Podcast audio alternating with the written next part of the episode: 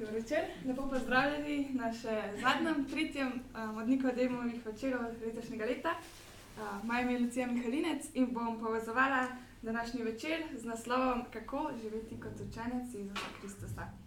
Zgolj vednost, zvok se snema, zato da bo um, lahko ta Nikodemov večer dostopen tudi kasneje v obliki podcastov. Um, zdaj pa lepo pozdravljam našega nocojšnjega gosta, um, ceskega škopa, Maksimiljana Matjaža. En aplaus.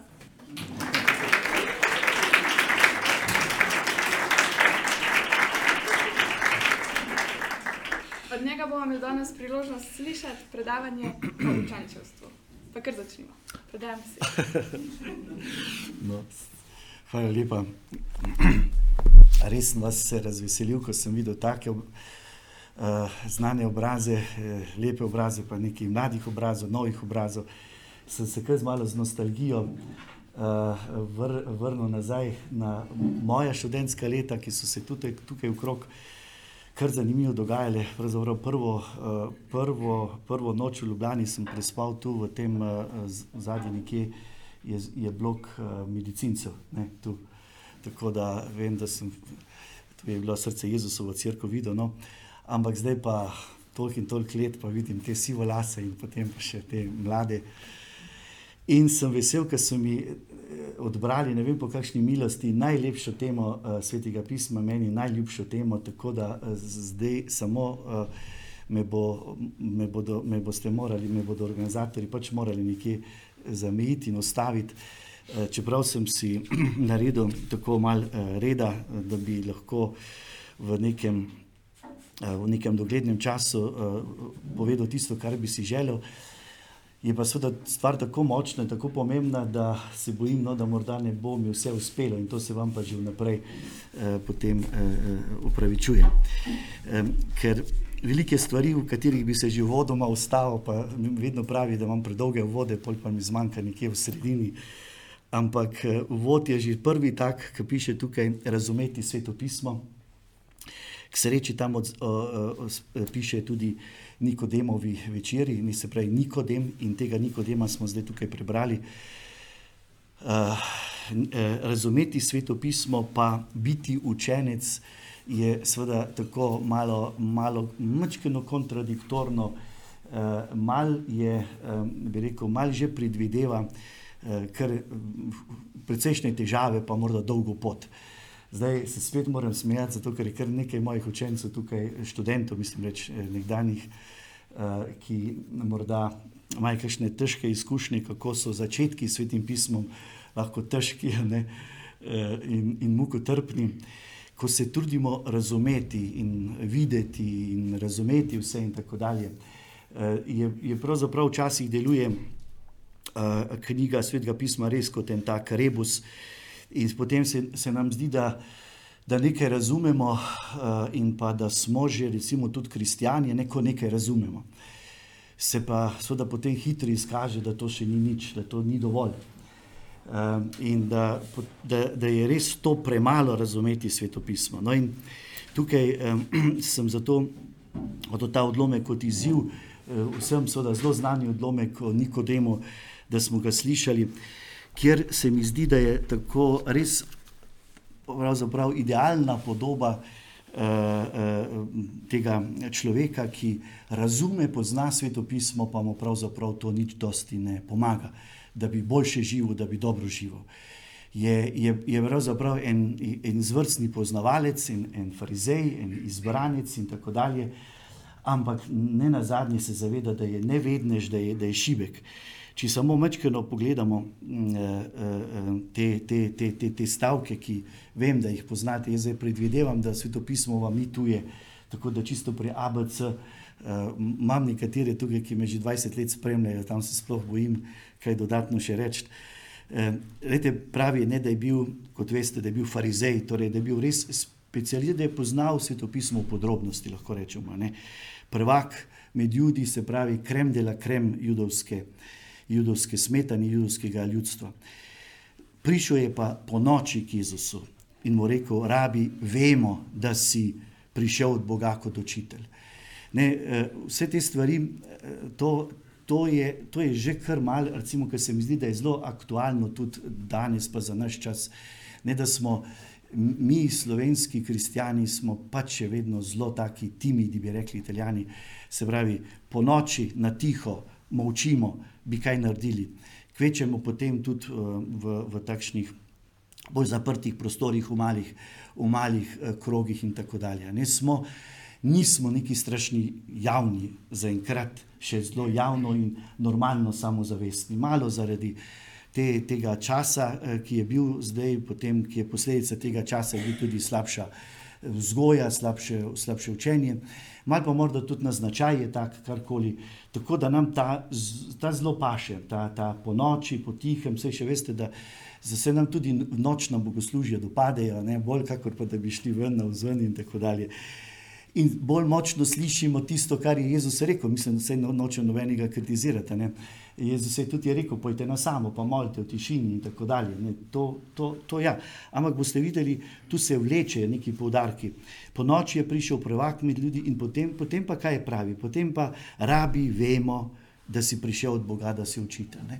V bistvu se pa ima za, za, za vse vedneža, zelo dobro pozna vero. In to je to je spet tista konstantna naša težava, eh, reko kristijanov, ker v bistvu preveč vemo, preveč hočemo, preveč si naložimo. In, eh, in, in potem preprosto Bog nima dosti kaj za narediti. Potem, potem nam pa tudi uh, ni nekega uspeha iz našega dela, iz našega prizadevanja, in potem smo še pa dodatno jezni in zafrustrirani. Toliko smo naredili in vse to. Ne damo prostora, ne damo prostora Bogu, ne ustvarjamo ta prostor, ne naredimo, eh, bi rekel, končno. Eh, v bistvu, če smo sploh naredili eno res izpoved, ti, Bog, Jezus Kristus, si gospodar tudi mojega življenja. Ne, mi z, z vso to pridnostjo, z vem, vem, vednostjo, z pobožnostjo in vsem tem, pravzaprav, mi pravzaprav vemo. Zdaj nam ti zdaj nas ti tako sprejmi za ene enakopravne sogovornike. Bomo malo mi s teboj diskutirali.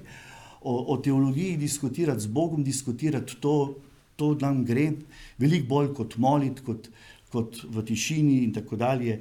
E, veliko bolj kot pa recimo zaupati. Zaupati, um, zaupati tako eksistencialno zaupati. Zdaj, jaz me bo vedno znova vrglo ven, tudi uh, mislim, ven na stran ali pa naprej, kakorkoli že. Uh, v čas, ki sem ga zdaj en mesec preživel na sinodi v, v Rimu, uh, ker je tudi ta tema, se mi skoraj ena na ena pokriva za to, za to izkušnjo rimsko ne, ali pa s to sinodalno izkušnjo. Ampak zdaj k temu, k temu momentu rečem to, ne, da smo se tako prišla, se smo se večkrat več spoprijateljila z, z kopskim škofom, tipična takšna podoba, kopski škof, pravoslavni kopski škof iz enega samostana blizu Aleksandrije v Egiptu. Uh, tipična faca, tista taka, uh, se smo celo se slikali za družino parka, tako da smo, da smo že tukaj medijski zvezdi, tisti, ki pač za tisti krok, kateri krok pokrivajo naša spletna stran, Facebook pa, pa družina. No, in, eh, in, eh, in, in on je bil res tako, da jaz sem se tako prvič od začetka, ko mi je povedal, da kdo tako z, z malce strahom, z spoštovanjem, pa z malo isto otožnostjo, če ti reče kopt. Takoj se spomniš, spet so jih 150 tam pobili, tisti, tiste kopte, vsi poznamo iz, eh, iz, iz tam izpred um, Odisisa, ko so jih tako. In vedno znova, kakšna crkva uh, poči, je rekel, rekel kaj, ampak to je pri nas v resnici vir enega veselja mi smo veseli, da smemo pričevati. Mi zdaj res živimo, ne živimo več jaz, ampak v meni živi Kristus. In ko je on to govoril, si videl, da absolutno ni naučeno, da je sproščen človek. Jaz sem ga pol eh, načrtno opazoval, ker tudi ni daleč z moje mize sedel tam eh, blizu, tako sem večkrat mal pogledal. Nikoli ni bil niti toliko nezaskrbljen kot jaz, če bom jaz prav predstavil tisto teoretični predmet, pr problem, kot on je kar sedel. Tam sicer je bil, se reče, delegato fraterno, se pravi, bil brat, je lahko govoril, ni, ni bilo treba pa glasovati. Ne. Ampak kljub temu, se pravi, uh, ta eksistencialna vira, ne, ta nam seveda manjka, ki, ki, ki, ki je v krvi, ki pravi, da smo sigurni, smo v božjih rokah, smo božji izvoljenci, smo eh, krščeni smo, eh, Kristus je, mi ne živimo po svojih načrtih, On je naš načrt, kaj nam to more. Pozemo za vsakega goloba, ki prileti, pa odleti, se sikiramo, pa smo spet vsi živčni, kaj bo zdaj pa to. Pa veste, da včasih niti eno leto ne uspe letati, pa, pa, pa se spet zamenja. Ne.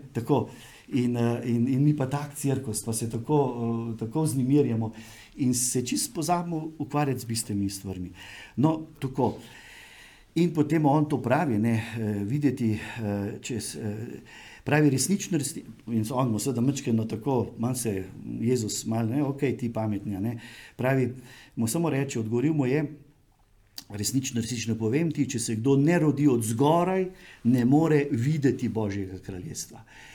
Eh, zdaj pa, zdaj pa v diskutiranju je Nikodem dobra, ne, v razpravljanju o viri pravi, kako se mora človek roditi, če je star, tako zdaj pa dajmo diskutirati. Veste. Jaz tudi vprašam, zdaj bom kar to rekel, da bom za polsi pripravil terena. Ne. Jaz včasih rečem, sem rekel študentom, 22 let sem predaval. Ne. Sem rekel, vede, lepo vas prosim, prva dva meseca ne postavljati vprašanj, ker se, se boste osramotili. Najprej morate nekaj vedeti, potem vprašati. Eh, ker kar tako vprašati, mislim, če imamo mi samo 45 minut časa, eh, da, da, da, da, da kar nekaj tam se govorimo, ni časa za to. In treba mečkaj nekaj vedeti, pa pa vprašaj. Mislim, svetopismo pa namreč lahko vsak ve, samo prebrati ga more, pa ve, ni problem. Zdaj preber to je not, potem pa začni spraševati, če je potrebno. Ampak ni bistveno, to, to on se je tukaj usramotil. Pravi, kako se mora človek roditi, če je star cepček. Ne more drugič videti telo svoje matere in se roditi, mislim, ni razumel nič od zadeve. Pa farize, pa se pravi, jutki jim je simbolna govorica blizu. Ne?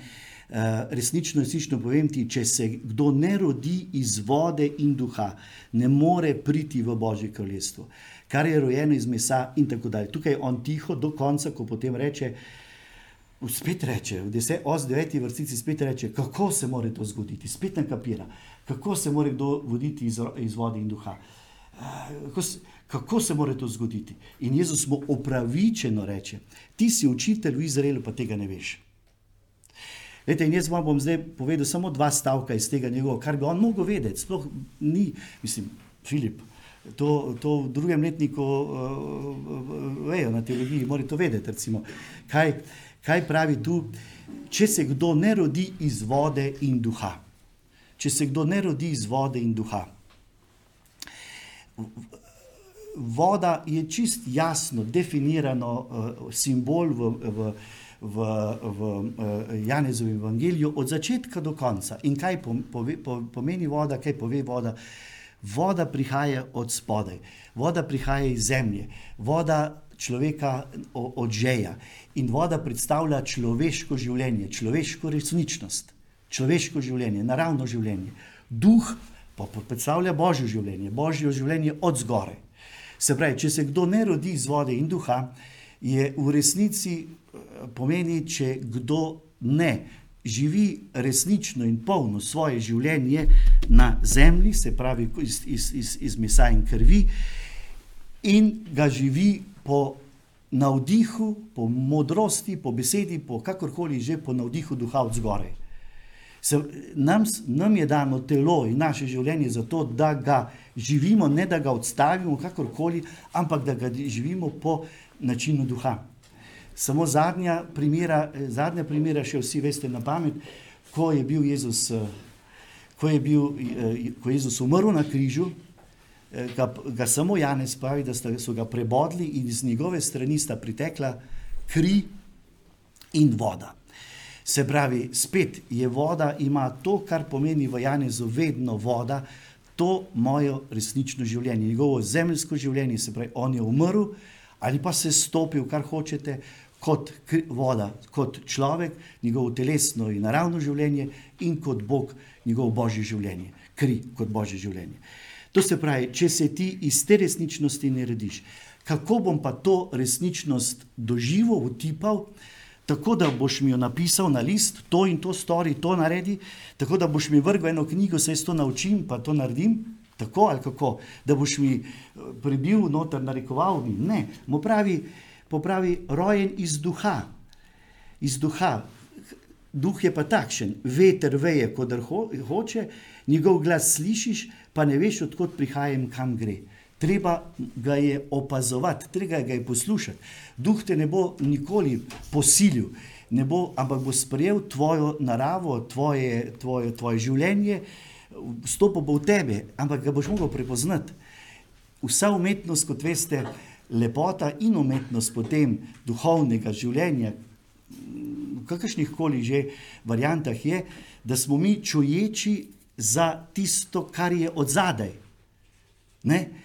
Ko vidiš eh, obraz, pa nos, pa to je vse to le, lepo, ampak pravzaprav se veseliš tisto, kar je od zadaj, lepota, ljubezen uh, in tako dalje, ki je od zadaj. Tako je pa tudi, ta, tudi duh tisti, ki te ne bo za formo uničil. Zato, zato, zato imamo očeta in sina, ki ga vidimo.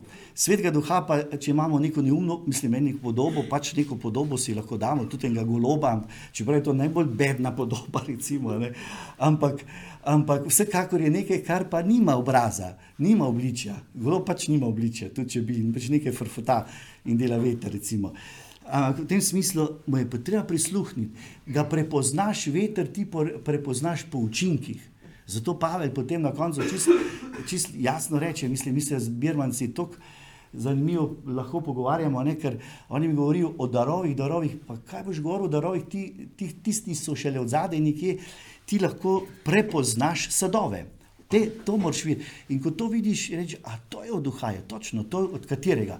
Aha, pa ja, pa, je pa tudi je več duhov, božji duh in hudi duh. Tako, in potem se začnemo s tistim.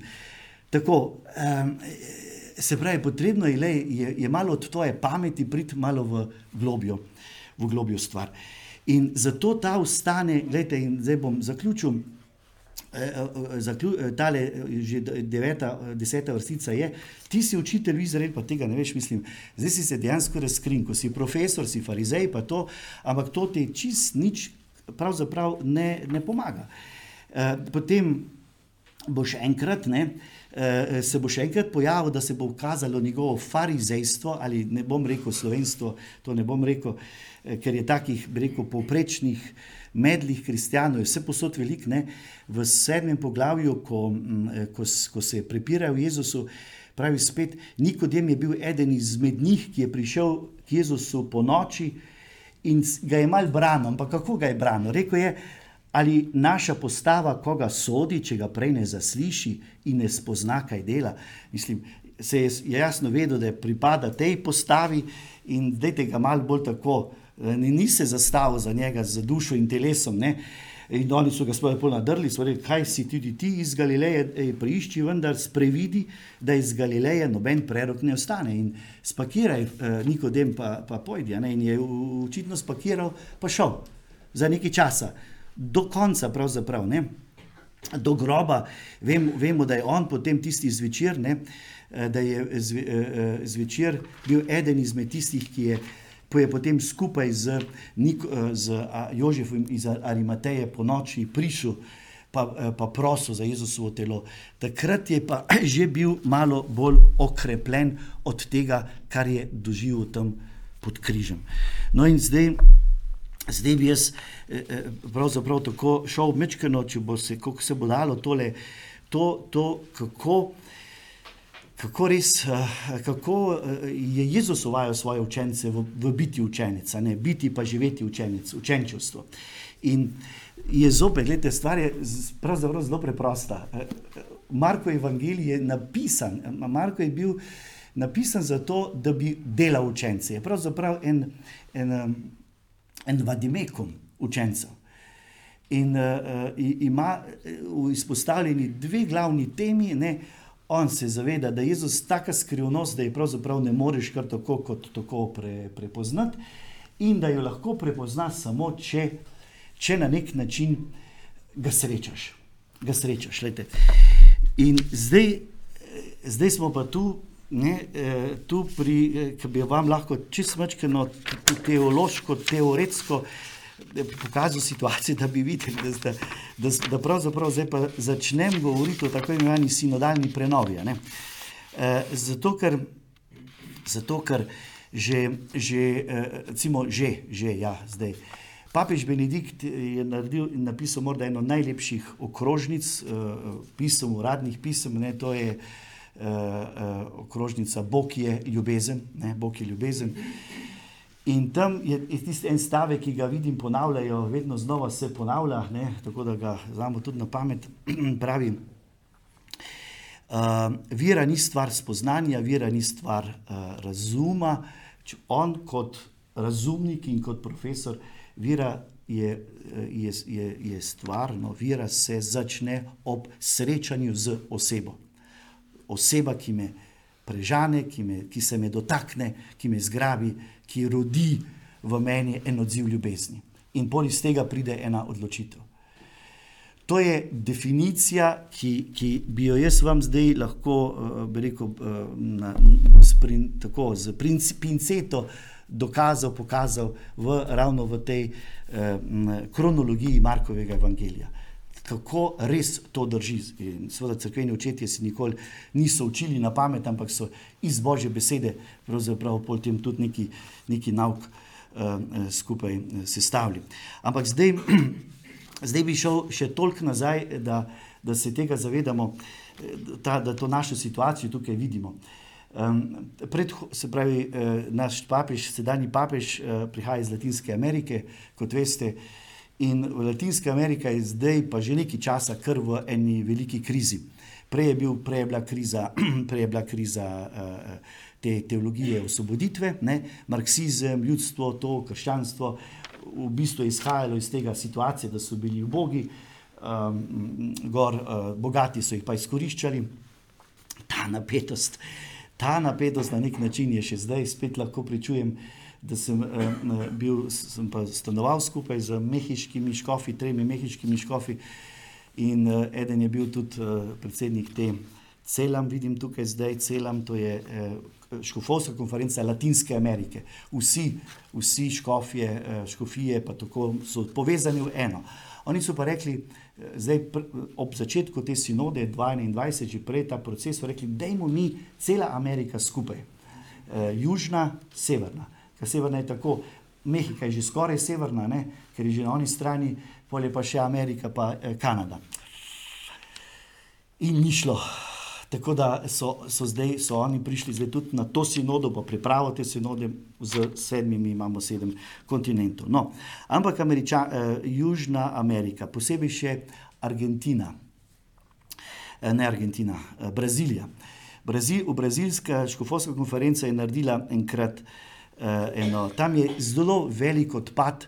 Eh, eh, padec eh, vernikov katoliške crkve ne, in uh, jih pobirajo uh, protestantske sekte, evan, evangelijske crkve, rečemo, karkoli, od katoliške nazaj. In ta analiza te, te apareside, ki je potem, uh, iz katere je potem zraslo tudi aparesida, je bil en kraj, kjer se je izbra, zbirala, kjer je očitno imajo sedež, sedež ta južnoameriška uh, ja, škofovska konferenca, so so pokazali štiri, so, so, so uh, odkrili ali pa potrdili štiri razloge, zakaj, zakaj eh, katoličani tako hitro prehajajo, pospešeno prehajajo iz katoliške cerkve v te sekte. Prvo, prvi razlog. Verniki v katoliški cerkvi niso nikoli izkusili globokega in intenzivnega osrečanja z Jezusom Kristusom se pravi, manjkala jim je kerima. Živeli so v eni, živijo, kakorkoli, tisti, ki v eni tradiciji, v eni samoumevnosti, in potem so da pridejo e, e, evangeličani, karkoli z, z ognjem duha Božje besede in grejo tja. Drugič, verniki niso nikoli, tisti, ki so prišli tja, izkusili pravega občestva, se pravi, sprejetosti. Ja? Občestva, se pravi, veste, kako so marsikje naše crkve, ne, eh, pač eh, že, že, že forma, forma je taka, da sedimo bolj drug poleg drugega, da hitro zbežimo in tako dalje. Občestva, ja. potem tretjič, pomankanje resne formacije oziroma kontinuiranega izobraževanja v svetem pismu in nauku, crkvenem nauku, Pravi, mi smo res v enem določenem obdobju totalno uh, pozabili na, na, da, je, da je vera tudi nekaj, kar, kar, česar se učimo, kar moramo spoznavati, kar se izobražujemo. Vrgli so vse stvari iz šole in s tem smo tudi mi avtomatsko rekli, no potem to, to, to in tako ni vedenje, ni vednost. Ne. Ampak čeprav je to samo en, en segment, ampak jaz čutim ta segment pri nas zelo, zelo zelo močen, mislim, zelo močno mi leži, ker poznam, imam izkustvo tako zelo dolgo z, z, z, z Italijani ali pa v, v, posebej še v nemškem svetu. In tam, tam, tam se v bistvu tako podn, mislim, tako čudne stvari ne morejo dogajati, ko se pri nas. Ko nima noben, mislim, nobenega pojma, ne, mislim, ta splošna javnost pojma nima, in polje nivo pogovora zelo nizek in, in niti ni pravih diskusij, da bi se. Da bi se po tujih televizijah imate te eh, talk showe, pa to se ljudje malo kregajo, pa to, ampak, ampak vsak uh, je spoštovan v tudi neki rezime, kaj smo v Angliji, naprimer, je še. Je še plus, uh, družbeni plus, če si recimo katoličan, ki si nekaj bolj tako, ali pa naprimer zdaj v Ameriki, Severni Ameriki tudi. Pri nas te formacije manjka, te osnovne, potem pa morda tudi te aktivne, aktivne, kerigmatične formacije v, v naših, v naših veroukih, ne? ker imamo mi verouk, kolikor toliko nadomeščamo šolo, nimamo pa kerigmatične, potem nam imamo kerigmatična vzgoja. In eh, četrtič, odsotnost, odsotnost misionarskega ognja, misionarske gorečnosti. Se pravi, to, eh, ta, ta, ta, ta ogenj, Sveda, če bi bilo prve, dve, prve tri stvari eh, špilale, ne, potem, bi, potem bi ti sam po sebi rekel: Jaz ne morem biti miren, jaz moram pravzaprav vedno znova govoriti o, o to, kar me osvečuje, kar me spremlja, o Kristusu. Jaz moram govoriti misionarsko. Zdaj bom, eh, bom, bom, bom, bom misionarsko gorečnost. Eh, pravijo celo to, to so napisali, ki naredi crkv v izhodu. Se spomnite zdaj, vidite, da ste toliko krat slišite našega Frančiška, ki govori o tej crkvi v, v izhodu. Se pravi, crkv, ki, ki se ne ukvarja samim sabo, ki, ni, ki se ne zadovolji s tem, da napravi kaj svemeno, lepo ali pa redne, upravlja redna bogoslužja, da, da, da, da, da je zaprta v svoje, v, svoje, v svoje prostore in tako dalje, ampak gre ven, prečuje na vsakem koraku. Eh, na tak ali drugačen način, se pravi, je v, v izhodu, ko rečemo, je za male. To ne pomeni, da ni za druge, ampak uh, hoče biti glas tistega, ki je seveda rekel, da je blagor Bogemu duhu, blagor tistim, blagor tistim, ki so bili bolj ne mali in potrebni, tisti so slišali to, to, to oznanilo. Tega ognja, misijonskega ognja, nam manjka. Tako, zdaj, zdaj so pa potem. Eh, potem, eh, k, k temu iz tega so pa potem izpeljali pet temeljnih vidikov v procesu oblikovanja tega misionarskega učenca. Misionarskega učenca. Ta, zdaj bom pa to rekel, da je ta, eh, ta, ta, ta, ta, ta paradigma, kakorkoli že, niti ni paradigma, misionarski učenec ne, je zdaj prišel dejansko tudi v ta zadnji tekst, obliko teksta, sinodalnega teksta zdaj zadnje sinode. Ker v, v resnici so te teme, tiste teme, to, ki uh, tukaj so ugotovili takrat v razilški škofje, v resnici nam to manjka in crkva se mora prenoviti tukaj ven, iz tega, iz tega vira. In pravi, pet teh temeljnih vidikov v procesu oblikovanja misionarskih, misionarskih učencev. Prvič, prvi vidik je srečanje z Jezusom Kristusom. Srečati se z Jezusom Kristusom, se pravi, doživeti in pravo kerimo.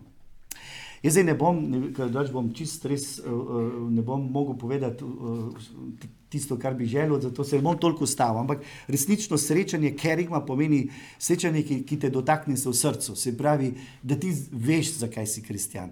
To se pravi, bolj kot ne si ga izkusil. Takrat, ko se je, ko se je, ko se je um, ko se je pocedila kri, veste, bolj kot ne, eh, cepič na, na, na, na, na, na drevesu, veste, da se, da se za, za odcepi, zacepi, uh, zraste nekaj takrat, ko pač se je še rana sveža, takrat lahko prije drevo, pa tisti malci pič gor. In uh, dokler je vse tako, dokler ničesar ne potrebuješ, dokler tako gre, mm, glej, tu. tu opravljaš in si na zadnje misliš, kako dober si, zato ker Gospodu daješ neke velike ugodnosti, da smo tukaj. Glej pa, Gospod te ne rabi. Ne? Eh, po domače rečeno. E, e, ampak sem ti prišel, zdaj pa, ko pridemo v crkvo, v Kmaši, e, po kaj si prišel? Ja, po kaj si prišel? Ja, po kaj, kaj si želim? Ne, ja, ne, jaz sem tebe prišel počastiti. Okay, ja. Zdaj, če ti tega ne rabiš, jaz se, že, že, veste, da je rekel že prerok ozeja, prerok ozeja, ne daritve, kadilne, take in take, ampak tvoje skrušeno srce skrušeno srce je pa tisto, ki vidi, ki čuti, ki vidi stisko drugega, se pravi, ki je čuteče srce, ki je krvaveče srce. To mu je v veselje. Ja, prvič. Drugič, spreobrnenje, ki vodi k odločitvi hoditi za Kristusom. Obe stvari sta skupaj. Spreobrnenje, se pravi, to je čist preprosta stvar. Spreobrniti se od najbolj močnega Boga, ki obstaja, pisano z male, seveda, in to sem jaz. In moje prepričanje, moji strahovi, moji predsotki, moja misel, moja racionalnost, moji razlogi, sto stvari je tako. Uh, to, to, moja gotovost, uh, v bistvu, v bistvu jaz verjamem pravzaprav samega sebe, tudi tud, uh, moram si vse urediti, caf, caf, caf, caf, pol pa gremo stvar, se pravi, sem ziheraš. Uh, in, in tako dalje, in tako dalje. In tako dalje tako, to je proces, ki, ki, nas, ki smo ga, ga vsi, pravzaprav vsem nam je potreben. Ampak, ampak potem, seveda, zdaj ne spreobrnenje, sukanje nekje v prazno, ne, spreobrnenje z nogami. Z nogami. Ker ni spreobrnenje v popolnost, ampak je spreobrnenje za hojo, za pot, za iti za. To Lejte, to zdaj, če bomo večkrat lahko brali, bom vam vse te točke pokazal. Je, je po vrsti gre pri Marku ta logika, ki so jo tukaj od, odkrili. Tukaj. Potem je tretja, tretja točka, formacija učenčstva. Formacija učenčstva. Formacija učenčstva zveni fino šolsko tako, ne? oblikovanje biti učenec je pa kaj? V bistvu potapljati se v skrivnost Jezusa Kristusa. Kakorkoli že. Ampak, gledajte, ta, če se potapljamo v to skrivnost, smo zajeli očeta in sina in duha in vse in vse, svojo identiteto, kaj je Bog za nas storil, kakšno vrednost imam jaz, imajo drugi mali spet. In tukaj imamo spet sveto pismo, Božjo besedo, pravzaprav v bogatstvu vsak dan, ki se koplje, gre ravno v to uh, uh, skrivnost, Jezusovo skrivnost. Marko gre tako daleč, ne, da da, da je pravzaprav mu skrivnost Jezusa Kristusa glavna tema evangelija. Učenci so pa potem toliko zraven, kolikor se ob tem brusijo, ob tej skrivnosti, kot tako in tako ne razumejo, ampak, ampak težko to sprejmejo, da ne razumejo. In, in, in, in potem, da pridejo potem počasi z božjo pomočjo do tiste ožine, kjer jih potem tako obrusi, da pridejo skozi in nekot potem to stvar razumejo. Tretjič, torej učenčestvo, poglabljanje Jezusov skrivnost. Četrtič, življenje v občestvu. Se pravi, učenec ne more biti sam, ker je to nesmiselno, pa neobstoječe, eh, ker je to, ker je to virtualno, ker je to ne vem kaj. Eh, eh, učenec je vedno v občestvu, zato ker ne moreš ljubiti, če nisi v občestvu. Ne moreš trpeti, če nisi občestvo. Vse večkrat morda trpimo v občestvu, eh, kot pa tudi si dobro, posebej še tam tisti, ki so določeni biti v, ne, ki si jih ne moreš kar sam izbirati. Ne. Začetka še malo sam izbiraš, potem pa ti kar prihajajo.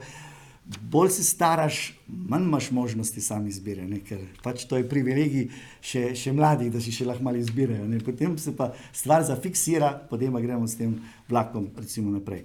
Ampak je pa občestvo jasno, Glede, zdaj ne morem tukaj vse to še dodati, ker da, da ne rečem eh, sinoda. Prva beseda, eh, famozna beseda sinodalne prenove je zaživeti, prepoznati, živim ali ne živim tega naše te crkve kot občestvo.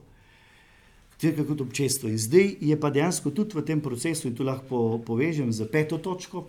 Peta točka pa je tukaj v tej formaciji aktivno misionarsko poslanstvo. Se pravi, ne živimo občestvo zato, da bi se mazili drug drugemu, ampak zato, da bi služili, da grem ven, ker me tudi to usrečuje, ker, ker je narava človeškega življenja pravzaprav taka, da darojoč se, se rodi življenje, darojoč se, se rodi sreča. Ne, ne zamejoč se, zamejoč se, eh, ohranjati se, se boš ohranil. Eh, in boš pač umrl, no? enostavno, lep ali pa kakršen koli že. Eh, eh, vsekakor pa sam in ne izživeti. Izživeti. Izživeti to, kar je tak slogan. Ne? Kaj je izživeti se, ja, dejansko živeti v odnosih. Ne? Se pravi, aktivno misionarsko poslanstvo. Peta točka, vidik obče, občestva.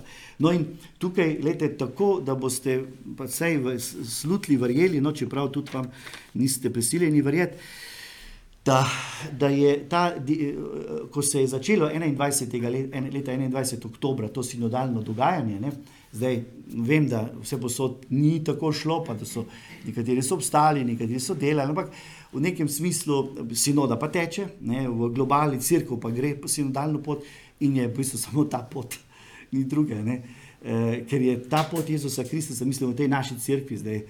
E, no, in smo, je bila ta, je pr, papež prvo tole trojko, to besedo, e, bilo postavljeno e, občestvo, e, sodeležba, ne, ali sodelovanje, sodeležba, pa misijon, mišljen, poslanstvo. Ta beseda misijon, vam že zdaj tukaj rečem, je v, v slovenščini malo hendikepirani. Zato ker, zato, ker če mi kar tako slišimo misijon, mislimo najprej na Pedra Opeka, pa vse to, kar je povezano z misionarji, z, rečemo mi, agentes, se pravi, iti v misijon, ven. Um, v bistvu je pa, je pa ta beseda se pre, pre, pre, pre, prevaja tudi z imeti eno poslanstvo. In uh, se pravi, da nekaj povem, da grem ven, da nekaj dam. In uh, zdaj smo dosegli tudi v tem prevajanju zadnjega teksta, tega, ki je zdaj že preveden, ta zadnji dokument, da bo v večini primerih bomo ta mission, ki angliško je mission, pač bomo ga prevedli s poslanstvom. Uh, ne več samo, kadar bo izrazito misijonsko, misijonsko, bomo tako lahko potem tako rekli. No, uh, ampak da je bil tale vrstni red, zdaj se je vrst, že v teku, zdaj pa definitivno se je spremenil vrstni red. Se pravi, je občestvo, poslanstvo in soodeležba. Kaj to pomeni? To pomeni, da smo prišli sem, sem k tem, k tem, k tem stopnjem formacije učenčevstva, ko pravi, da pravzaprav ob crkve kot občestva, crkve kot občestva ni če ni misijonskega naboja, če ne oznanjam. Se pravi, crkva sama za sebe nima smisla. Ja? Če se crkva ukvarja sama s seboj, se zapira, če ne gre ven, je to, je, ni to, kar Jezus pravi. Eh, ne, da, da, zato nas je poklical, da bi bili z njim, vse, da ne, ne, ne gremo v ekstrem, eh, z njim, v, ampak v, da bi bili z njim in da bi jih pošiljal oznanjati, ozdravljati, izganjati hude duhove ampak baza je tukaj z njim in potem, da greš z njim. To je to. No, in uh, zdaj, zdaj, pa, zdaj bi se pa lahko to, tu, zdaj so pa ti, če se zapomnili, pet teh točk. Kerigma, se pravi, srečanje s Kristusom, spreobrnenje, formacija učenčevstva, poglablja njegovo skrivnost, življenje občestvo in misionarsko poslanstvo. Pet skrivnost, pet. Uh, pet lastnosti eh, eh, tega formacije učenčevstva, kako biti učenec danes. Zdaj pa, če odpremo Marko Evangelij. Eh, zdaj ne bom rekel, da ga po, da bi ga mogli kar na pamet znati, zanimate kaj zapisati, tudi ne, jaz bom številke sicer mal govoril, ampak tale prva stvar, prva srečanje z Jezusom Kristusom. Poglejte, kako se začne Marko Evangelij. Začetek Evangelija Jezusa Kristusa, Božjega Sina. In potem pravi, glej, eh, pošiljam svojega glasnika pred tvojim običajem, ki bo pripravil tvoj pod glasu, pijočega v puščavi in tako dalje. Zdaj, eh, zdaj še ne morete pasti kar tako v trenutku, ko to slišite, začetek evangelija Jezusa Kristusa, Božjega Sina, rekel, zdaj sem se pa jaz s Kristusom srečal, z njegovo skrivnostjo. Ampak, če bi, če bi imeli recimo 15 minut časa že samo za, to, za ta besedo začetek, pa sem prepričan, da vas prepričam v to, kaj je v tem začetek Evangelija Jezusa Kristusa pravzaprav o, o, o, um, zajeto. Da je Jezus Kristus pravzaprav izvor vsega. Da je Evangelij, Evangelij, ki nam je dan, je pravzaprav ta, se pravi, Evangelij, veselo znanilo mojega življenja je ta resnica, ki se mi razodeva po Jezusu Kristusu. Da je, da je Jezus Kristus, da je, da, je, da je Jezus Kristus začetek in cilj mojega življenja. In potem se v teh, recimo od prve in do, gledajte, in do enajste vrstice, elementi pokažejo, ki, eh, kažejo, ne, ki, ki me vodijo noter, da res kaj odkrivam tukaj. Da, je, da me Kristus želi srečati, da želi moje življenje, da, da, ne, da, da ne skače, oziroma da računa z mojo nepopolnostjo. Da me hoče prepričati, da tisto mojo nepopolnost smo dam, da bomo sodelovali, s tem spremeni moje življenje, da čisto novo dimenzijo. Ko tukaj reče, gledajte, v sedmi vrstici pravi, uh, Janes, Janes Krstnika hoče krstiti, pravi, vendar kaj, kdo sem jaz, za menoj pride močnejši od mene in jaz nisem vreden, da bi, mu, da bi se sklonil in bi mu odvezal uh, jarmino bojal. On lej, tukaj sicer ne diskutira ta primarko, ampak eh, on samo, Jezus samo pride, samo da krstiti in on ga krsti. On se pa zaveda, da tega sploh ni vreden. Pri Mateju bo ta dogodek mečkeno bolj močno opisan, bo rekel, prišel je k njemu, Jezus, Janez Nik, rekel, opo, po, po, po, po, po, po. jaz bi moral priti k tebi, pa ne da ti k meni prideš, kdo sem jaz. A veste? In koliko krat se pravzaprav mi, normalni ljudje, vprašamo, pa kdo sem zdaj jaz, da bom jaz nekaj Bogu tukaj dal. Vse to pravzaprav sploh ne more biti res, da bi on na tako stvar računal, kot sem jaz, Bogu in tako, s tistimi nekaj. Veliko elementi pobožnosti, ki pa me na drugem ovinku že vržejo ven, kaj sem jaz. Ne? In tam reče pri, pri Mateju, ne, reče tisti znani stavek, tretje poglavje, 15. vrstica, pravi pusti zdaj, eh, pravi Jezus Krstniku, pusti zdaj, ker samo tako se bo zgodila pravzaprav božji načrt.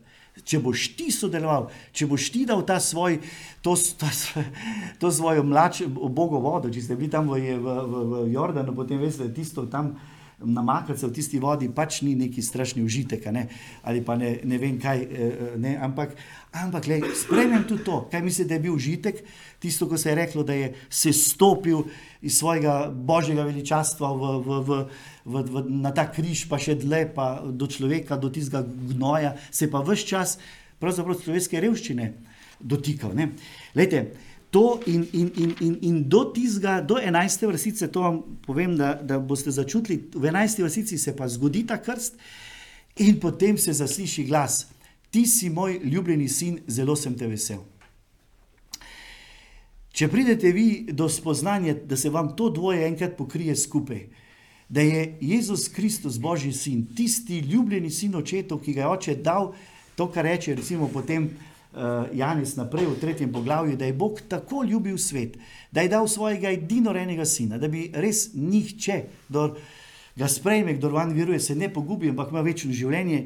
Da to skapirate, kaj pomeni biti ljubljeni sin, potem pa še, da je on ljubljeni sin zato, da bi tebi razodel, da si ti njegov ljubljeni sin, ste rešeni, ste srečali Kristusa, ste kerima.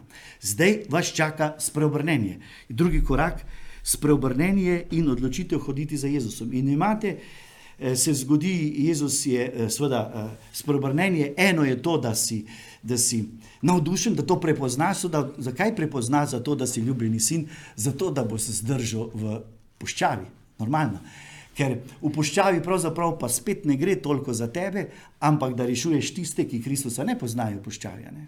Ker tam se bojujem, že kot del Kristusovega telesa za vse te napade hudega duha, ki jih ti zveš odkot, imate pa ogromno revežev, ki tega ne vedo. Ne? On, gospod, ko je zmagal v puščavi, je zmagal, je zmagal za nas tam v puščavi. Ne? In se je zgodila puščava. In, uh, in čas je dopolnil Božje kraljestvo, se je približal, spreobrnite se, verujte Evangeliju, je tista 15. vrstica. In v tej spreobrnitvi in verujte Evangeliju, uh, lahko rečem, sem to. Spreobrnenje, ne, niti ne gre samo za metano, metano je ta beseda, za to mišljenje, za ta nus, zato ker v, v grščini, ta, v tej biblični grščini, v svetopisanski grščini, ki je veliko bližja semitskemu izrazu, ne, je, je, je, ni, ni, ni grški nus, nus, se pravi, misel si ti zameni, ampak, ampak se, se pravzaprav tvoja, tvoja celota, ta, ta, ta tvoj dobesedno ta tvoj ego, se mora mečkeno počiti, da rečeš, ok, torej jaz do sem sežem, jaz, tukaj je pa tvoje področje in ti verjamem in to vzamem še zraven, tisto področje čez. Se pravi, je bolj tisto, upati si čez, upati si misliti drugače. In to bi bil res en velik izziv, pravzaprav za, za, za mladega človeka, vsakega človeka, upati si čez, pa imamo pa imamo podlago za to, da si upamo, da ne obstanemo ob tistim, kar nam kdo pravi, kje si, kaj si, kako je to. Ne, če smo mi Kristusovi, on je premeje premagal, e, on ima energije in še in še, se pravi, tisto stvar gre čez. Glejte, in potem se začne, potem jih pokliče in potem se zgodi tako preprosto, vržejo tisto stvar. Mislim, pridite in hodite za menoj, in se začne formacija učenčestva, poglabljanja v Jezusovo skrivnost. Zdaj, tukaj bi vam seveda lahko o tem tretjem govoril o, o, o ogromno stvari, tu se začnejo preizkušnje, kako se zdaj formira v Jezusovo skrivnost. Ampak ena stvar je recimo zanimiva. Ta beseda skrivnost je misterijon po grško. Ga Marko samo enkrat uporabi to izraz in je. In, um, V bistvu je še takrat bila malo frdehtih, ne se pravi, kako se to reče po Ljubljansko. Uh, se, reče, se reče, da je bila sumljiva. Ja, malo tako, sumljiva. Eh, sumljiva eh, eh, ker so jo ti kulti takrat že zelo uporabljali, misterijski kulti. Misterijo, zato drugi, drugi niti toliko več niso si upali uporabljati. No, in, in, in, in, in kaj pravim? V četrtem poglavju, v četrtem poglavju, tam se zaostri. Če boste brali, tam se kar zaostri. Prej še tam jih pokliče na goro, so z njim, da bi bili z njim, super, tako ne, in jih bo pošiljal. No, in tu v četrtem jim pa začne govoriti, ampak veste, ta skrivnost Božjega kraljestva, ta vaša stvar, se, se, se dogaja, se razvija po drugih principih, ne po principih sveta, na veliko, na sjajno, na, da se vidi, ampak od spodaj, po malem. Ne? In jim začne govoriti te prilike, ne? Božje kraljestvo je kakor. In potem je čudovita ta prilika, 26 do 29 vrstice četrtega poglavja, eh, ko pravi, da je z Božjim kraljestvom kakor s človekom, ki vrže seme v zemljo. In zdaj pride to, spi in počiva. Ho, staje, ho, se pravi, začne res kot en, eh, kot en modr kmet, ko poseje, potem pa na nivo več ne gre mislim, časi niso šli po mojem na nivo, pol kakih dva meseca. Ne. To je pol raslo, kalilo in počasi in pravi seme pa klije samo od sebe, samo od sebe. Beseda tukaj, ki jo poznamo, grška lepa beseda avtomate ne, avtomatično, samo sebe. To mi sploh ne verjamemo, težko verjamemo. Mi moramo še zraven stisniti malo to, malo to, toliko, da te še ne greš gledati tam, kaj gledaš, pa da malo popraviš, pa še to narediš. In, in, in, in, in to je važno, da znaš pusti, da samo od sebe raste. Lede, eh, nisem mislil zdaj to, ampak v, na koncu tega dneva, 35. vrstica je zvečer, zvečer tistega dne in reče: Pripeljimo se na ono stran. Ne? In se peljejo od Slovenije, možno, da stane velik vihar. Plus, ker on pa je na krmi spal. Je pa, kaj ne bi spal? Če je, so vrgli seme v zemljo, če mi je rekel, gledite, spite, zaupajte malo, dajte malo mir. On pa je spal, ti pa so da panični. Zbudili so ga in mu rekli: Učitelj, ti ni mar, da se utapljamo. Vstal je, zapret je vetro in rekel: Tihni, molči, polega vihar, bila je tišina in je rekel: Kaj ste strahopetni, kako da še nimate vere? Mislim, pa sem vam rekel, da če ne boste počivali in spali, če boste mislili, da boste s svojim delom, s svojim veslanjem vi prišli na ono stran, to in tako drugače na ono stran se motite, lahko veslate do jutra eh, in, in, in, in, in ne bo rešitve. In se tukaj izkaže, tu se sploh izkaže, bil so bili tako slabe volje kot kot je bil verjetno on farizej, eh, Nikodem, ne, ti ni mar, razumete, mame so še kakšne tu, najhujše, ne, jaz se spomnim, sebi tudi, ne, da, da, da, da, da ko nisi mogel drugače, kaj, saj me nimaš rada, ne, nimaš me rada, zakaj? ne, otrok. Se pravi, to je najhujši očitek, ti to, to mu naredijo. Niti tu ne, da bi rekli, da bi, da bi se začeli moliti, ne, takrat, nekaj takega, se pravi, so poden od podna. Ampak, ampak predtem, predtem pa jim reče, gledajte, in, to, in tu bom zdaj pa tukaj eh, eh, ko, končal, reče 4.11, 4.11, predtem, da pride do, do tega, jih vse pripravi, on jih pripravi, veste, tudi pripravi za ta vihar. Zdaj, vihar bi lahko razumeli tudi, ne, kar je simbolno, vihar našega življenja. Se pravi, življenje je, je življenje, na, na, na, na, na, če hočete, z ladjo ali karkoli že na morju in tam zapihati, z te strani, z one strani. In uh, zato si se moral učiti krmariti, pa veslati, da boš tisto zmogel. In na to jih pripravlja, na preizkušnje. In jim pravi tukaj, eh, ko govori o semenu, ne, ko pravi, eh, eh, ko so bili na samem, skupaj z dvanajstirimi, so ga vprašali o priliki in govoril jim je, in rekel jim je, zdaj pravi, vam je dana skrivnost Božjega kraljestva. Tistim pa, ki so zunaj, se vse daje v prilikah. Veste, kaj je to? To je pravzaprav res ključ vam je dana skrivnost Božjega kraljestva. Zdaj se tistim, pa, ki so zunaj, tistim pa se dajo prije, se pravi, malo v podobah, malo išče, malo slutijo, malo to, vam pa je že dano. In zdaj se vprašamo in se morate vprašati, kaj jim je dano, kaj oni vedo. Zdaj, če gremo tako po, po, po Nikodemovsko, potem vidite malo, kaj vejo. Kaj jim je dano? Vam je dana skrivnost Božjega kraljestva, tistim pa, ki so zunaj, se sedaj priliko. Kaj jim je dano, če preberete natančno ta, te, te prve štiri eh, rekel, poglavje, do sem, kaj je učencem dano, kar ni dano tistim, ki so zunaj, je samo ena stvar. To pa je to, da so poklicani, da bi bili z njim. Torej jim je dal on, odnos z njim, on jim je dan. In to je skrivnost Božjega kraljestva. Občestvo z njim je skrivnost in moč Božjega kraljestva. In to, gledajte, to si lahko mi ponavljamo in tukaj lahko zdaj, če še dve stvari rečem, potem lahko tudi končam. To je pravzaprav, uh, je pravzaprav en ta kapital, ki, ki ga bi tudi zdaj za to, reko, imamo željo, to voljo, za to sinodalno prenavljanje, prenovo, prebuditi ta dinamit, ki nam je dan, se pravi, po krstu, po svetem duhu smo mi že sprijeti, ljubljeni božji otroci. Mi, nam je ta kapital občestvo z njim dano, ampak to občestvo moramo živeti, tega, to prijateljstvo moramo negovati, to moramo prebuditi, dati mu moramo možnost, ker on se nam ne bo usilil tako, ker pač je rekel, eh, je rekel ne, moram oditi, če ne odidem, vam duha ne pošljem, ne bo duh prišel. Vi boste, zato ker vi me lahko samo v ljubezni in viri sprejemate. Se pravi, viri je enako ljubezen, ne pa z nobenim racijom, zato ker je ljubezen tisto, kar najbolj definira, najbolj izpolni, najbolj, bi rekel, določi človeka. Racijo, to se spremenja.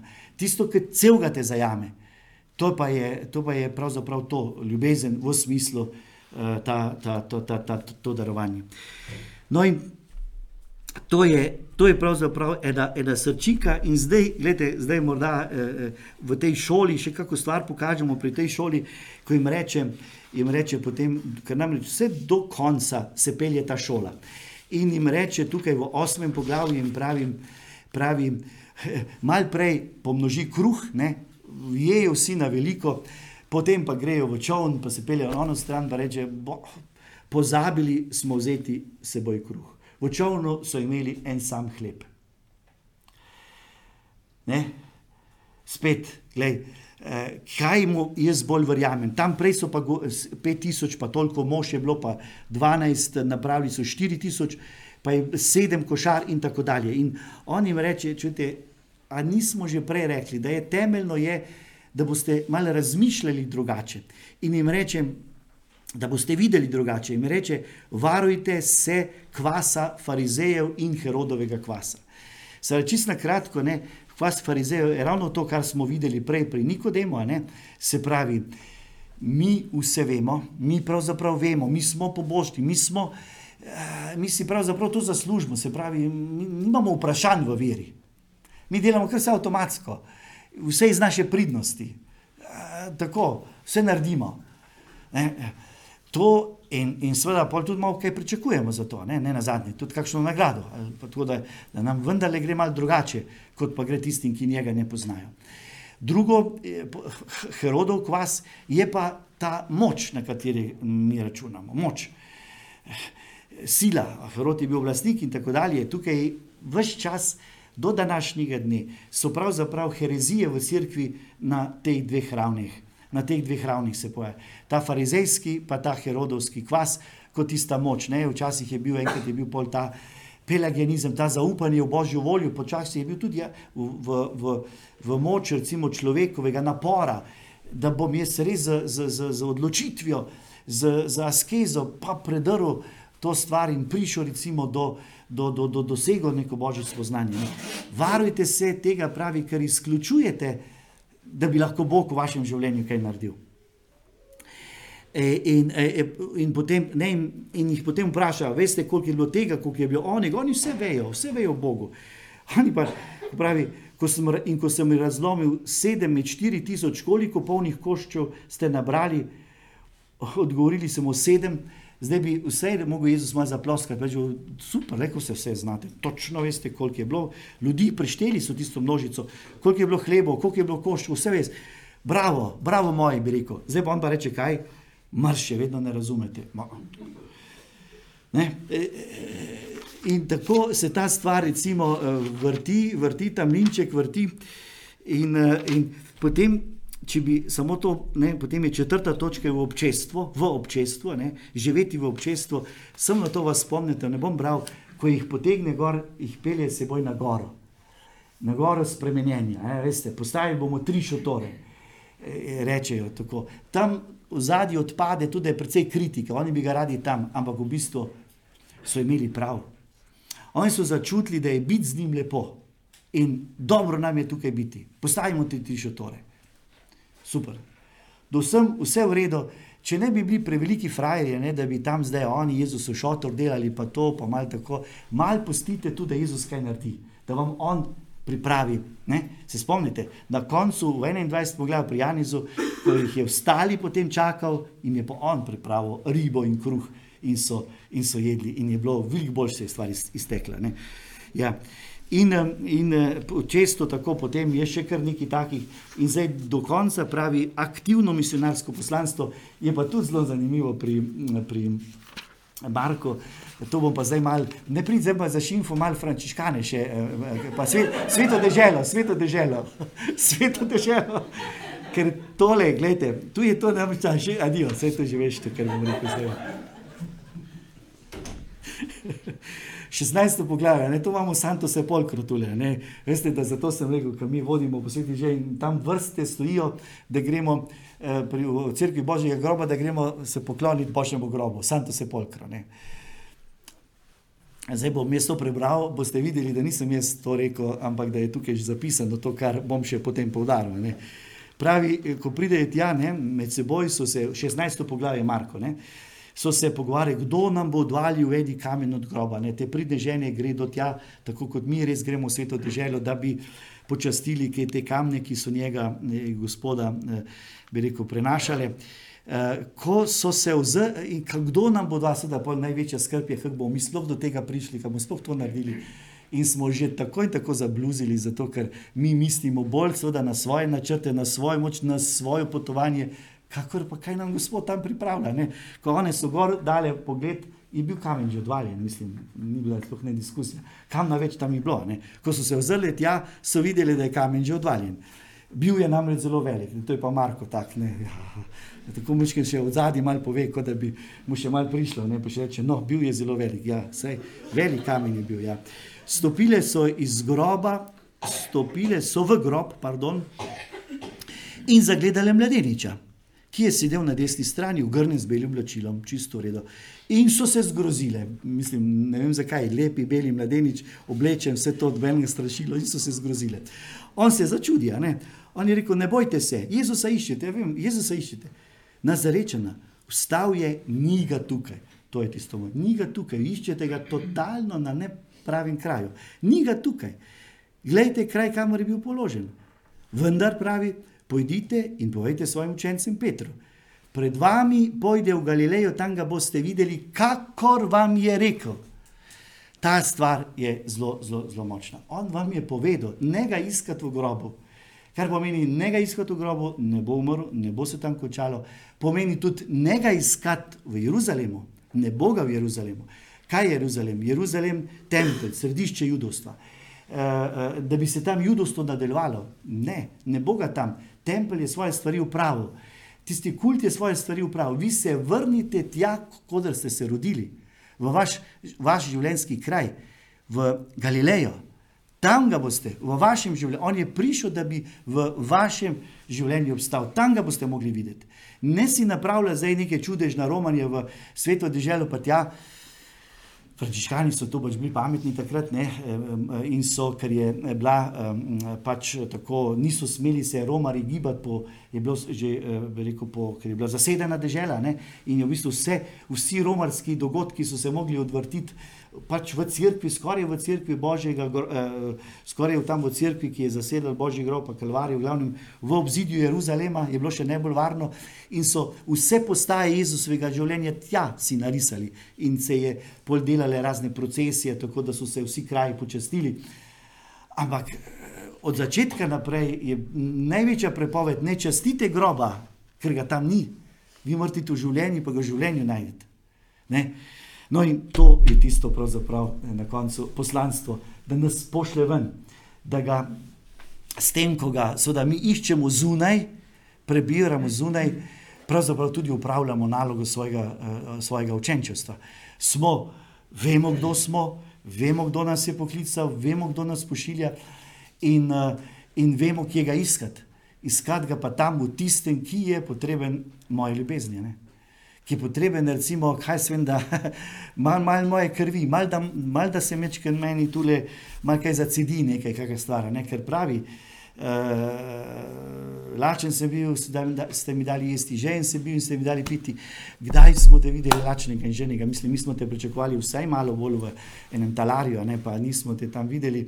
Uh, uh, ja, pravi, ko, uh, kar ste storili kateremu izmed mojih najmanjših bratov, ste meni storili. Tako, to je to. to, je to. No, zdaj smo, se vam opravičujem, da smo tako, zdaj pa Lucija. Um, še ti, kaj vprašaš? Lahko najprej aplaus.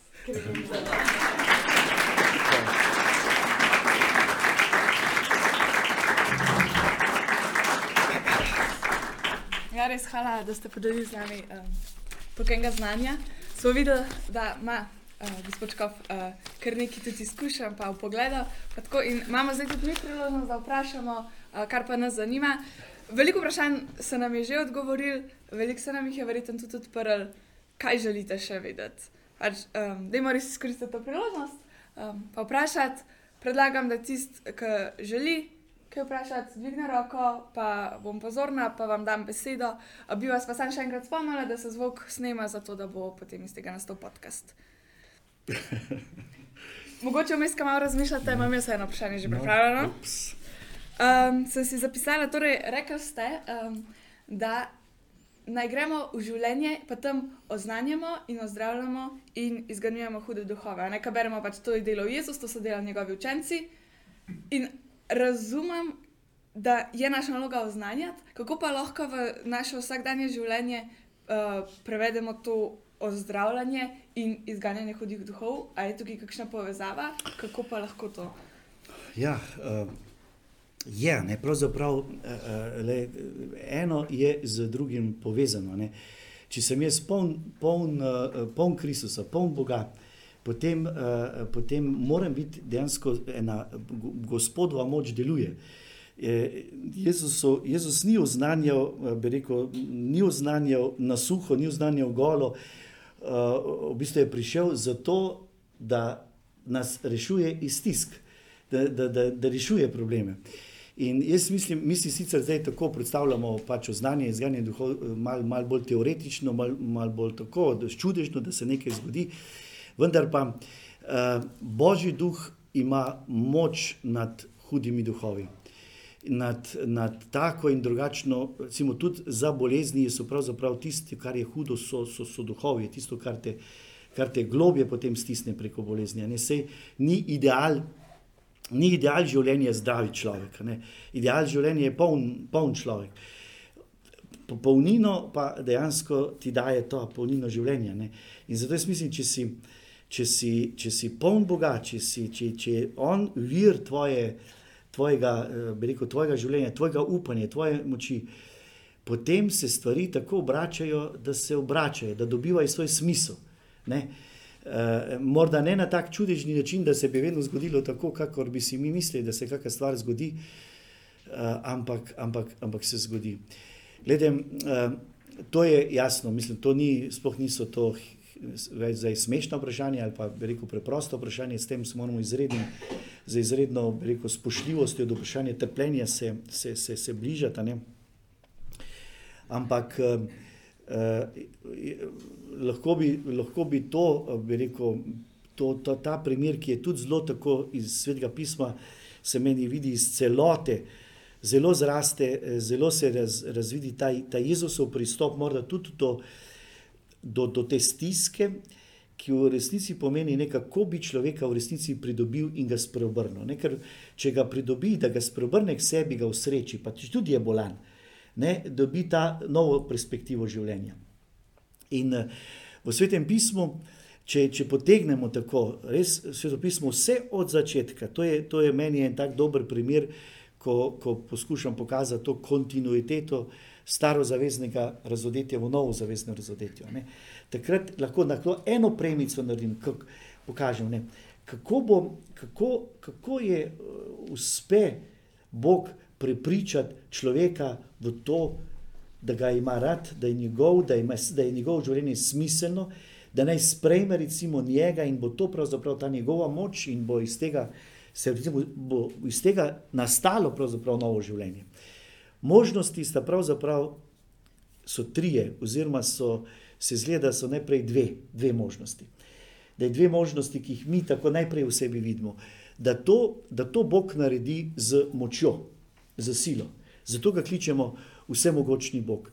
In prve, prve bi rekel, eh, prvi, prvi čudež ali prvo dogajanje, prvo razodevanje Boga v, v zgodovini razodetja se je prav začelo z močjo. Takrat so začeli gledati in se spomnite, da, da ko, je, ko je dobil Mojzes nalogo, naj prepriča koga, naj prepriča svoje ljudstvo, pa e, svoje ljudstvo bomo verjelo, ne, in pa e, e, faraona, da jih bo izpustil ven, ne, je rekel, kako jih naj jaz prepričam. In mu je bolj dal tisto palico, ki bi naj predstavljala moč, in bo s, temi, s, tem, s, tem, s to palico boš delal čudežna dela. Ne, se spomnite. In potem ne, ne bi rekel, ne tako korajžno, pač gre, ok, verjamem, in gre s tisto palco.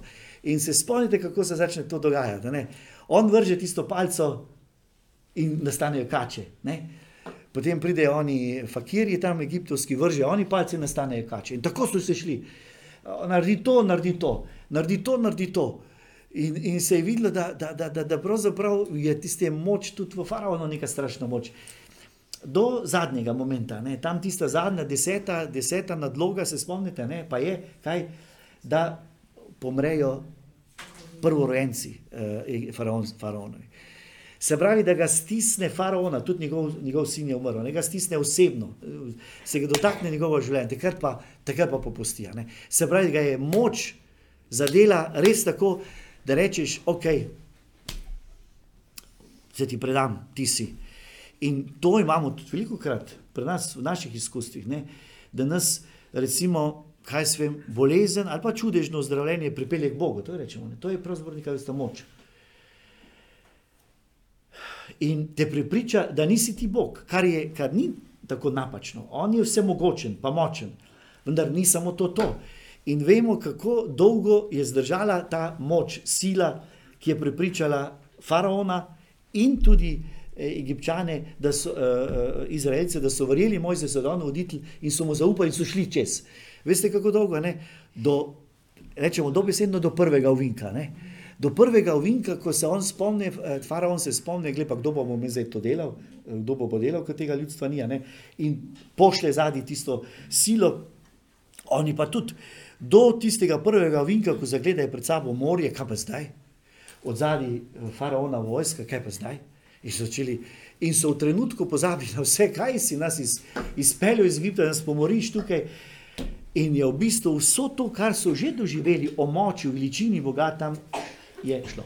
Eto. Zdaj še nisem konc, sicer bolj dobro, ampak bom. Ne, je, ker, ker, ker, pride, ja, ker je to z močjo, se pravi, ne morem te pripričati z močjo. In to smo pri tistih čudežih. Ne. In je tudi to, dajte, jaz to rečem, rad povem, eh, še zdaj grem v, si pogledam vse na zunaj, eh, eh, muzej, ta bolnico, muzej v Lurdu. Ne. Tam v Lurdu, tam imate ne samo, da imate tiste palce, bergle, pa vse to gor nastavljene kot pri nas na brezih, ne imate tudi rentgenske slike, zlomljene kosti, bila prej, zdaj je zdrava kost, gnila to, zdaj zato. Se pravi, fizično prej je bilo zlomljeno, zdaj celo, je bilo gnilo, ga ni bilo, zdaj je. In so rentgenske slike to pokazale. In so seveda tam večina popadala dol, ker to je, to je čudež. Ne? Ampak niso vsi pa tudi niso do konca vsi. Ne? Zdaj lahko vam rečem še čisto zadnji primer, kaj se vem, ne, recimo, zdaj nisem hotel to, zdaj mi je zdaj prišlo, skoraj ne bi smel reči, ampak, ampak bom vseeno rekel, ne, recimo, naprimer Medžugorje, ne, to je en tak tipičen, tak močen primer, recimo, tam je tako močen fenomen tega Božjega, ne, kaj se dogaja. Ampak si včasih rečeš, ja, množice ljudi je prepričalo, ampak nisem pa prepričan, da je vse, vse te, uh, bi rekel, vice, ki so to doživeli, prepričalo. Tam imamo zdaj polovica, jih je ločenih, pa je malo tako, malo tako, vse živi nekako tako, ne po tistih predstavah, kot se mi eh, misli, da bi mogli živeti v popolnosti. Ne. Pa kljub temu je, tu, je tam ta stvar, recimo, eh, očitno neka božja nazočnost tam. Ne. Se pravi, se Bog loti druge, drugega, druge taktike in sicer, da bom prepričal človeka ga bom mu dal besede, nauk, modrost, ga bom vodil, bom rekel, lepa ne gre drugače. In, in jim sred te poti, ko jih vodi iz, ven iz Egipta, predno da pridejo tja do obljubljene želje, jim da deset besed življenja. Spolnjujte te besede, jemljite, vzemite te besede, imejte te besede in boste živeli. Bo, jaz bom vaš Bog, vi boste moje ljudstvo. Nihče vam ne more kaj. Ja, saj veste, kako dolgo je to trajalo. Ne? tam, tam, tam je, dokler je pokalo zgoraj in na gori, pa to je tam spodaj ljudstvo molilo, potem pa moj za se bolj dolgo ni bilo dol nazaj, ne, ker je bila daljša pot, ko je prišel dol, oni že imajo svoje tele in že čestijo tisto. Polih vedno znova in tudi to preroki. Preroki jih prepričujejo, pa jih so tepeni, pa ne vem kaj, oni spet bomo verjeli, bomo tvoji, tempelj so si zgradili, tu bomo skrinje, tu bomo zlato skrinjo naredili, pa noter dali teh svojih deset besed. Veš, koliko jih spoštujemo. Lej, bomo jih nosili v krog, ponavljali, na pamet se jih bomo učili. Pa jim zmanjka. In se, in se, ja, in to reče, uh, reče uh, prerok uh, Izaija, potem enkrat in to in tega preroka Izaija citira Matej uh, za Jezusa ne, v, uh, v osmem poglavju. 16. vrstica. Ko, naredi, ko prije Jezus zgore dol, pa pol naredi spet tri čudeže, ozdravi gobavca, ozdravi eh, služabnika v Kafrnauma, potem ozdravi Petrovo taščo. Ja?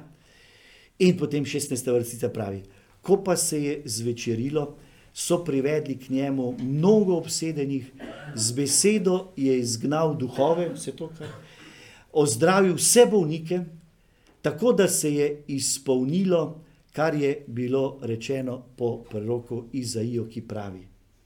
Zdaj pa kaj pravi? Da je on postrelil sovražnike, da je, da je, da je vzdravil zadnjega, bolnega, zdravnega gobavca, ne. Da se je izpolnilo, kar je rečeno po proroku Izaijo, ki pravi. On je prevzel naše, naše slabosti, si naložil naša bremena. Se pravi, ta tretja pot, tretja pot, ki si jo Bog, ki si jo Božji sin izvoli, je, da se stopi, da postane del te, bi rekel, mizerije in da ta mizerija postaje Božja. da ta mizerija postaja kraj, prostor, kjer lahko srečam novo življenje. In e, citira zadnje pismo Pavlovo, pod narekovaji, zadnje pismo od pisem, pismo Hebrejcem, ki povzema vso to modrost e, hebrejsko, pravi: Postal je nam enak v vsem, naprej. Ja. Postal je nam enak v vsem, piše v, v tem še zdajšnjem prevozu, razen v grehu, ampak tisti, tisto mečkano zaobrnemo, moramo zaobrniti in narediti tale pravi. Postal je enak, nam enak v vsem, vendar ni grešil. Se pravi, sprejel, ker apostol Pavel reče v pismu Galačanom, on je sprejel nase naš greh, on je postal za nas greh. Se pravi, kar pomeni, tudi greha se je dotaknil, da, da ne bi mi tam poginili, se drugače ne bi bili odrešeni. To je nauk odrešenja. Zdaj sem ti vzel vse ta čas, tako da Lucija, če še ima kdo kakšno vprašanje, drugače pa res. ja. Dobro vprašanje je bilo, res, zelo dobro, zelo dobro, zelo dobro. Tako da, ja, zdaj ne več tako težko. Zdaj bo kratko. Ta Herodov kvas, ki ste ga omenili, je tako močno prisoten, sprav želja, ne moč, ali pa vsaj želja pomoči, a ne? tako sem vas razumel. Tega je veliko, ali v družbi, ali pa v naših odnosih. Kako to, da je ta Herodov kvas tako močen, ta božji kvas je pa tako malo skrit, da skrb prevzame Herodov kvas? Ja. Ja, uh, zakaj? Zato, ker, uh, zato, ker pravzaprav. Um, zato, ker, je, je, je, ker mi vsi globoko čutimo in vidimo, da se nam naravno življenje izteka. In da se moramo pravzaprav vse življenje boriti, da si lajšamo, olajšujemo in tako dalje z našimi močmi to življenje. In zato krepenimo po eni moči, krepenimo po enem zdravilu. Ne? In, in ni v človeški logiki, ni v človeški logiki, da bi iz enega iztekanja, iz enega izpuščanja se lahko kaj rodilo, kaj zraslo. Je, ni človeško, Lejte, ni človeško, enostavno ni človeško. In, in, in, in naša, mi smo se rodili v mesu, v telesu in, ta, in to telo, takoj ko se je rodilo, je že začne odmirati. In je to ta logika. Ne, to je ta logika.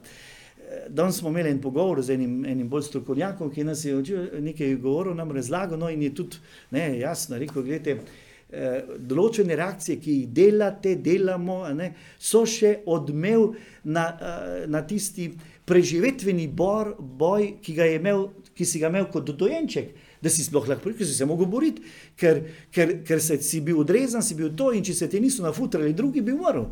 In si mogel doseči tako, da si brcal, bincal, karkoli že, dobro, ne bom zdaj tukaj strokovnjaka, ne? ampak vsekakor, vsekakor, da si si, ne, to, to, to, to, to, to si mogel uporabiti moči, da si preživel. In, in, in, in, in, in se ti zdi, da se bo moglo vedno znova to dogajati. Ne? In zato, rekel bi še vam eno tule, zato si tisto eno, se pravi moč, pa to si pa tudi mi, mislim, tudi jaz, vsi iščemo malo zdravje, malo onega, malo mal dre, to, da bi izpuščali nam samo po sebi iz rok, ne gre. Vidimo pa, ko se nam to zgodi, ko se kdaj to zgodi, da je to nekaj lepega. Če si lahko osvobojen. Lejte, Matej, tukaj Marko, vmes učenčevstvo, če bi vam prebral še to deseto poglavje, v desetem poglavju namreč reče tisti, se spomnite v tistem bogatašu, ne, bil je nek uh, učitelj, uh, pravi, kaj naj, dobri učitelj, kaj naj storim, da dosežem večno življenje, ne. Potem, kaj mi govoriš, poznaš, ne ubijaj, zapovedi, vse to pravi. Jaz sem vse to izpolnjeval že od svoje mladosti, vse sem že naredil.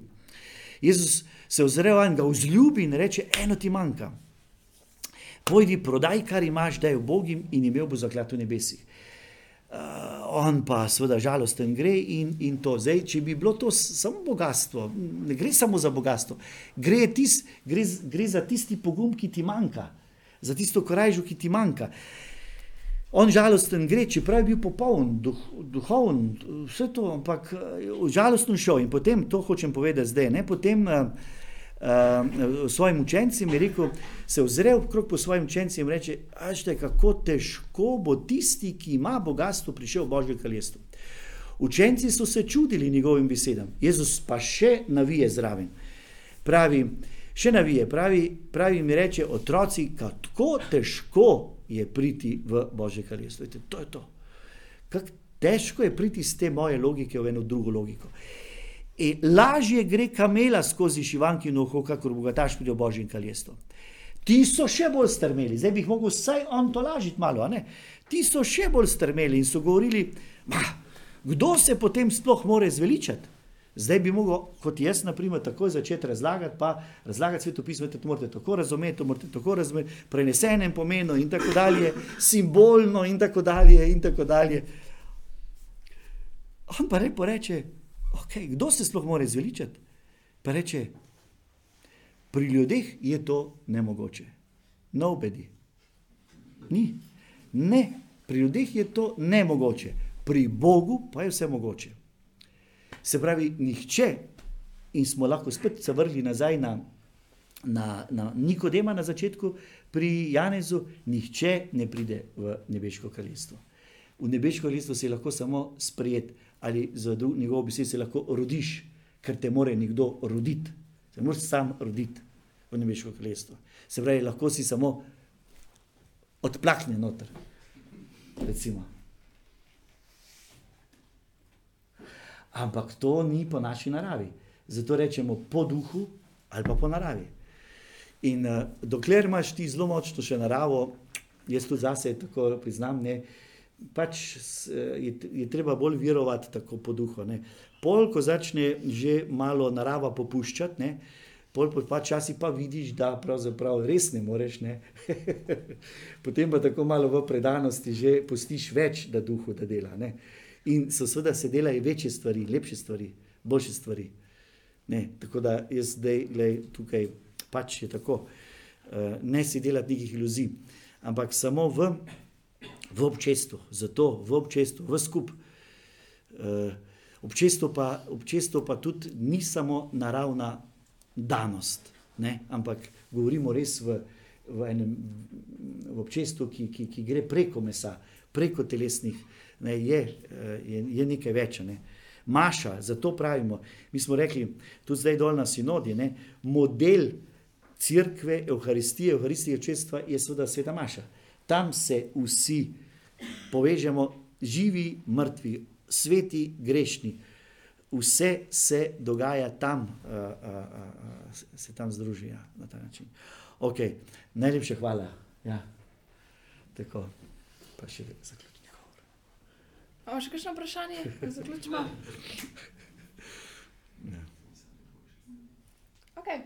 Potem bi vas pa mogoče prosila samo še za eno sklepno misel, tisto, kaj želite, da vzamemo s sabo, kaj bi podčrtali eno zadevo. Uh, ja, leti, samo kar ne bom, lahko kar ostanem tukaj, kar sem rekel, ne, da, da pravzaprav je, je pri nas, je v človeško gledano, veliko stvari je nemogočih, ne.